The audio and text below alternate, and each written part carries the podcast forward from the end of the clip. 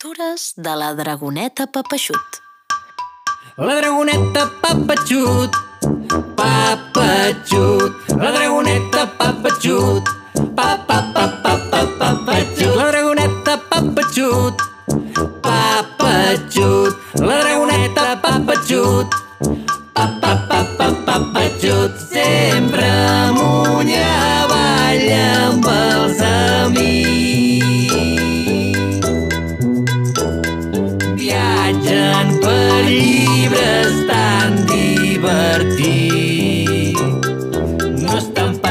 avorrits. El pastís de xocolata amb mores. Duru, durururu, durururu, dururu, dururu, duru, durururu, durururu, dururu. Avui és un dia molt especial. És l'aniversari de l'espia dimonis. I la dragoneta Papeixut i el llop Parrac volen preparar-li una sorpresa. Saben que li encanten els pastissos de mores amb xocolata. Així que estan decidits a preparar-li'n un. La dragoneta Papeixut té una recepta ben especial. És la recepta de pastís de mores i xocolata de l'àvia de la caputxeta vermella. Està per llepar-se'n els dits. El primer que hauran de fer és trobar tots els ingredients. La farina, el llevat, llet d'ametlles, un parell d'ous, la xocolata... Ja tenen quasi tot el que els cal per començar a preparar el pastís. Però, ai, els falta un ingredient. Un ingredient imprescindible. Les mores. Sense les mores no poden fer el pastís preferit de l'espia dimonis. Ai, quin desastre! I d'on podem treure mores fresques? Pregunta el llop parrac. Un dia, la caputxeta vermella em va explicar un lloc prop del bosc de casa de la seva àvia on hi havia unes mores boníssimes. Mm, mm, però no recordo com s'hi va. La dragoneta Papeixut té una idea. Si la caputxeta vermella sap on trobar les millors mores, poden anar a demanar-li ajuda. Així que sense mandra i sense por, la dragoneta Papeixut i el llop parrac van a visitar la caputxeta. I com ho faran? Doncs entrant al conte de la caputxeta vermella. Aquella amb el llom de color vermell i que té uns dibuixos preciosos de casa seva, de casa de l'àvia, del bosc. Tanquen els ulls i diuen Vida babum! Vinga, va, que comencem. No cal que ens entretinguem, busquem un llibre. L'estirem de patxa amunt i pugem tots al damunt, ja estem a punt. Però ara ve el més important, cal dir-ho ben clar. No és fàcil de recordar, no va deu pas, no va deu pas. Tiqui, tiqui, tori, tori, mita, mitu, punt, dava, debe, divi, trima, papim, tun. I una mica de pipeta, tico, l'un, i finalment, vida, badum. Quan arriben a casa de la caputxeta, toc, toc, toc, piquen a la porta i els obre la porta la seva mare. La caputxeta vermella no hi és. Ha marxat a casa de l'àvia a passar la tarda. Quan la caputxeta vermella va a casa de l'àvia sempre és per a fer cuinetes. A totes dues els encanta preparar coques, magdalenes, galetes i quan s'ajunten cuinen les receptes més delicioses que us pugueu imaginar. La dragoneta Papeixut ha tingut una pensada. Hmm, si la caputxeta ha anat a casa de l'àvia, segur que està fent una coca, unes magdalenes o un pastís de mores. Ja ho tinc. Parrac, jo aniré a casa de l'àvia de la caputxeta vermella. Segur que si els demanem que ens ajudin a preparar el pastís d'aniversari de l'espia dimonis estaran encantades. Vés a buscar l'espia dimonis i el portes de sorpresa a casa de l'àvia. Ja veuràs, al·lucinarà. I tal dit, tal fet. Amb dos s'acomiaden de la mare de la caputxeta i la dragoneta Papatxut arrenca el vol amb les petites ales platejades direcció a la caseta del bosc, on viu l'àvia de la caputxeta. I el llop parrac marxa corrent i udolant, au, au, a buscar l'espia dimonis.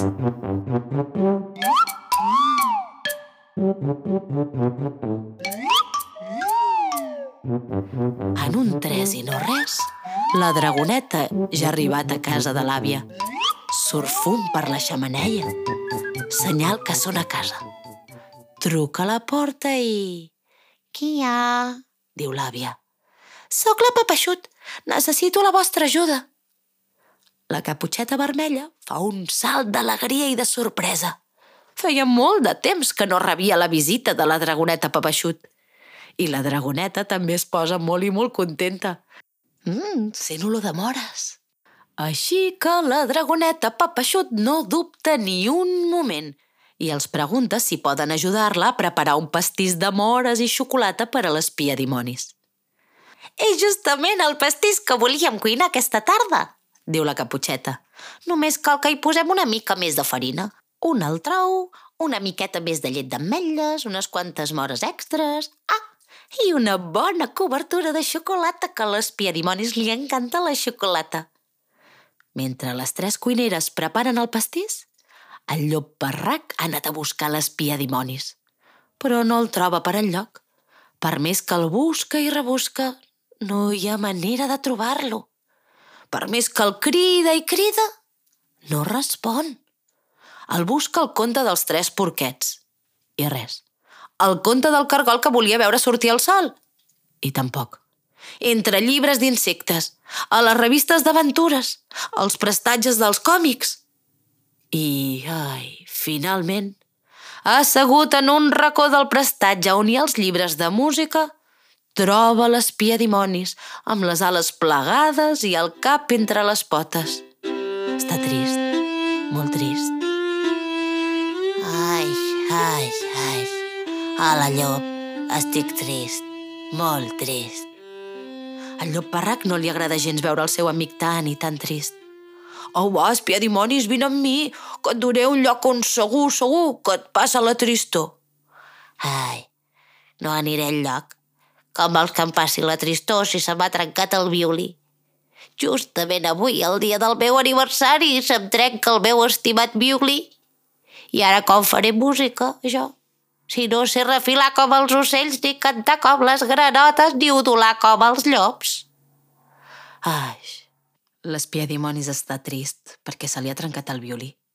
I a l'espia dimonis li encanta fer música amb el seu violí. Tens raó, espia dimonis.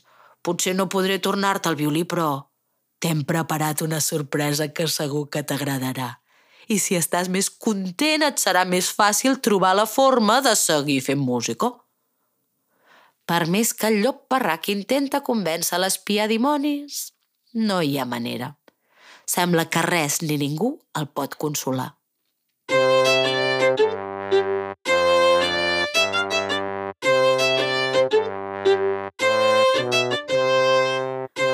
Oh, què és aquest so?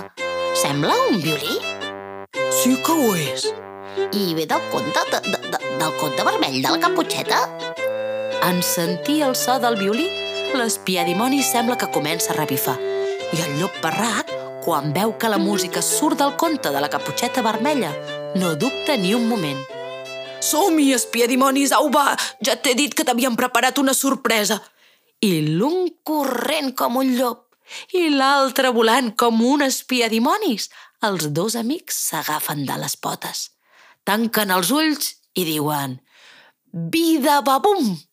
I entren com un llamp dins del conte de la caputxeta vermella i van a la pàgina on hi ha el bosc i la caseta de fusta de l'àvia. La música sembla que ve de dins de la caseta del bosc. El llop parrac està a punt de trucar a la porta. Tira el puny enrere. Agafa embranzida per a picar amb totes les seves forces per a que el sentin i li obrin la porta. Però tan bon punt agafa impuls per trucar, la porta s'obre. Sorpresa! I el llop patam, cau de cul a terra, amb tan mala sort que es punxa amb un roser que té l'àvia de la caputxeta a la porta. I au, au, au, au, ajudeu-me, m'he clavat les punxes del roser al cul. Uh! Comença a cridar i a udolar. Pobre llop parrac, quin mal que s'ha fet. Per ajudar-lo, l'àvia de la caputxeta comença a treure-li les punxes del roser del cul. Una, dues, tres, quatre, fins a cinc punxes se li havien quedat clavades a les galtes del cul. Ah, però el protagonista d'aquesta història no és pas el llop parrac, és l'espia dimonis, que tan bon punt ha obert la porta s'ha quedat bocabadat, immòbil com una estàtua. I és que al mig de la taula de la cuina ha vist un pastís de xocolata amb mores, gran, molt gran, molt, molt gran. I al capdamunt del pastís hi ha un violí de fusta vermella. És com el seu, el que se li ha trencat. Abans que pugui va de boca i amb el llop sense punxes al cul, la colla crida «Sorpresa!» Volíem preparar-te un pastís de mores per celebrar el teu aniversari, diu la dragoneta Papeixut. Però com que no teníem mores, hem vingut a veure la caputxeta vermella i a l'àvia, que saben fer uns pastissos deliciosos. I quan hem explicat a l'àvia el que t'ha passat, ha decidit fer-te una sorpresa. I és que el violí que hi ha sobre del pastís era el violí de l'àvia. Fa molt de temps que no el toca perquè té el braç esquerre sense gaire força i ara toca més el guitarró. Així que ha decidit regalar el seu violí a l'espia dimonis. L'espia dimonis, sense dubtar-ho ni un segon, comença a voleiar al voltant de l'àvia com si fos una avioneta a tota velocitat. És així com fan les abraçades i donen les gràcies als espia dimonis. Agafa el violí i comença a tocar la seva melodia preferida s'hi afegeix l'àvia amb el guitarró, la caputxeta vermella tocant la flauta de bec, la dragoneta papeixut que es treu el trombó d'una butxaca màgica que té la panxota de dragoneta i el llop barrac que es desenfunda l'acordió de botons que sempre du penjat a l'esquena. I així és, com entre cançons i pastissos, la dragoneta Papeixut i els seus amics passen la tarda dins del llibre vermell de la caputxeta vermella.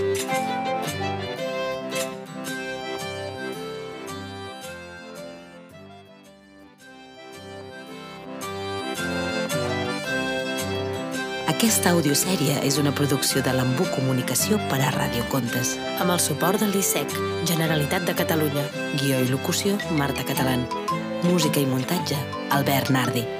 Troba més històries a radiocontes.cat, l'indret on les paraules sintonitzen amb la imaginació.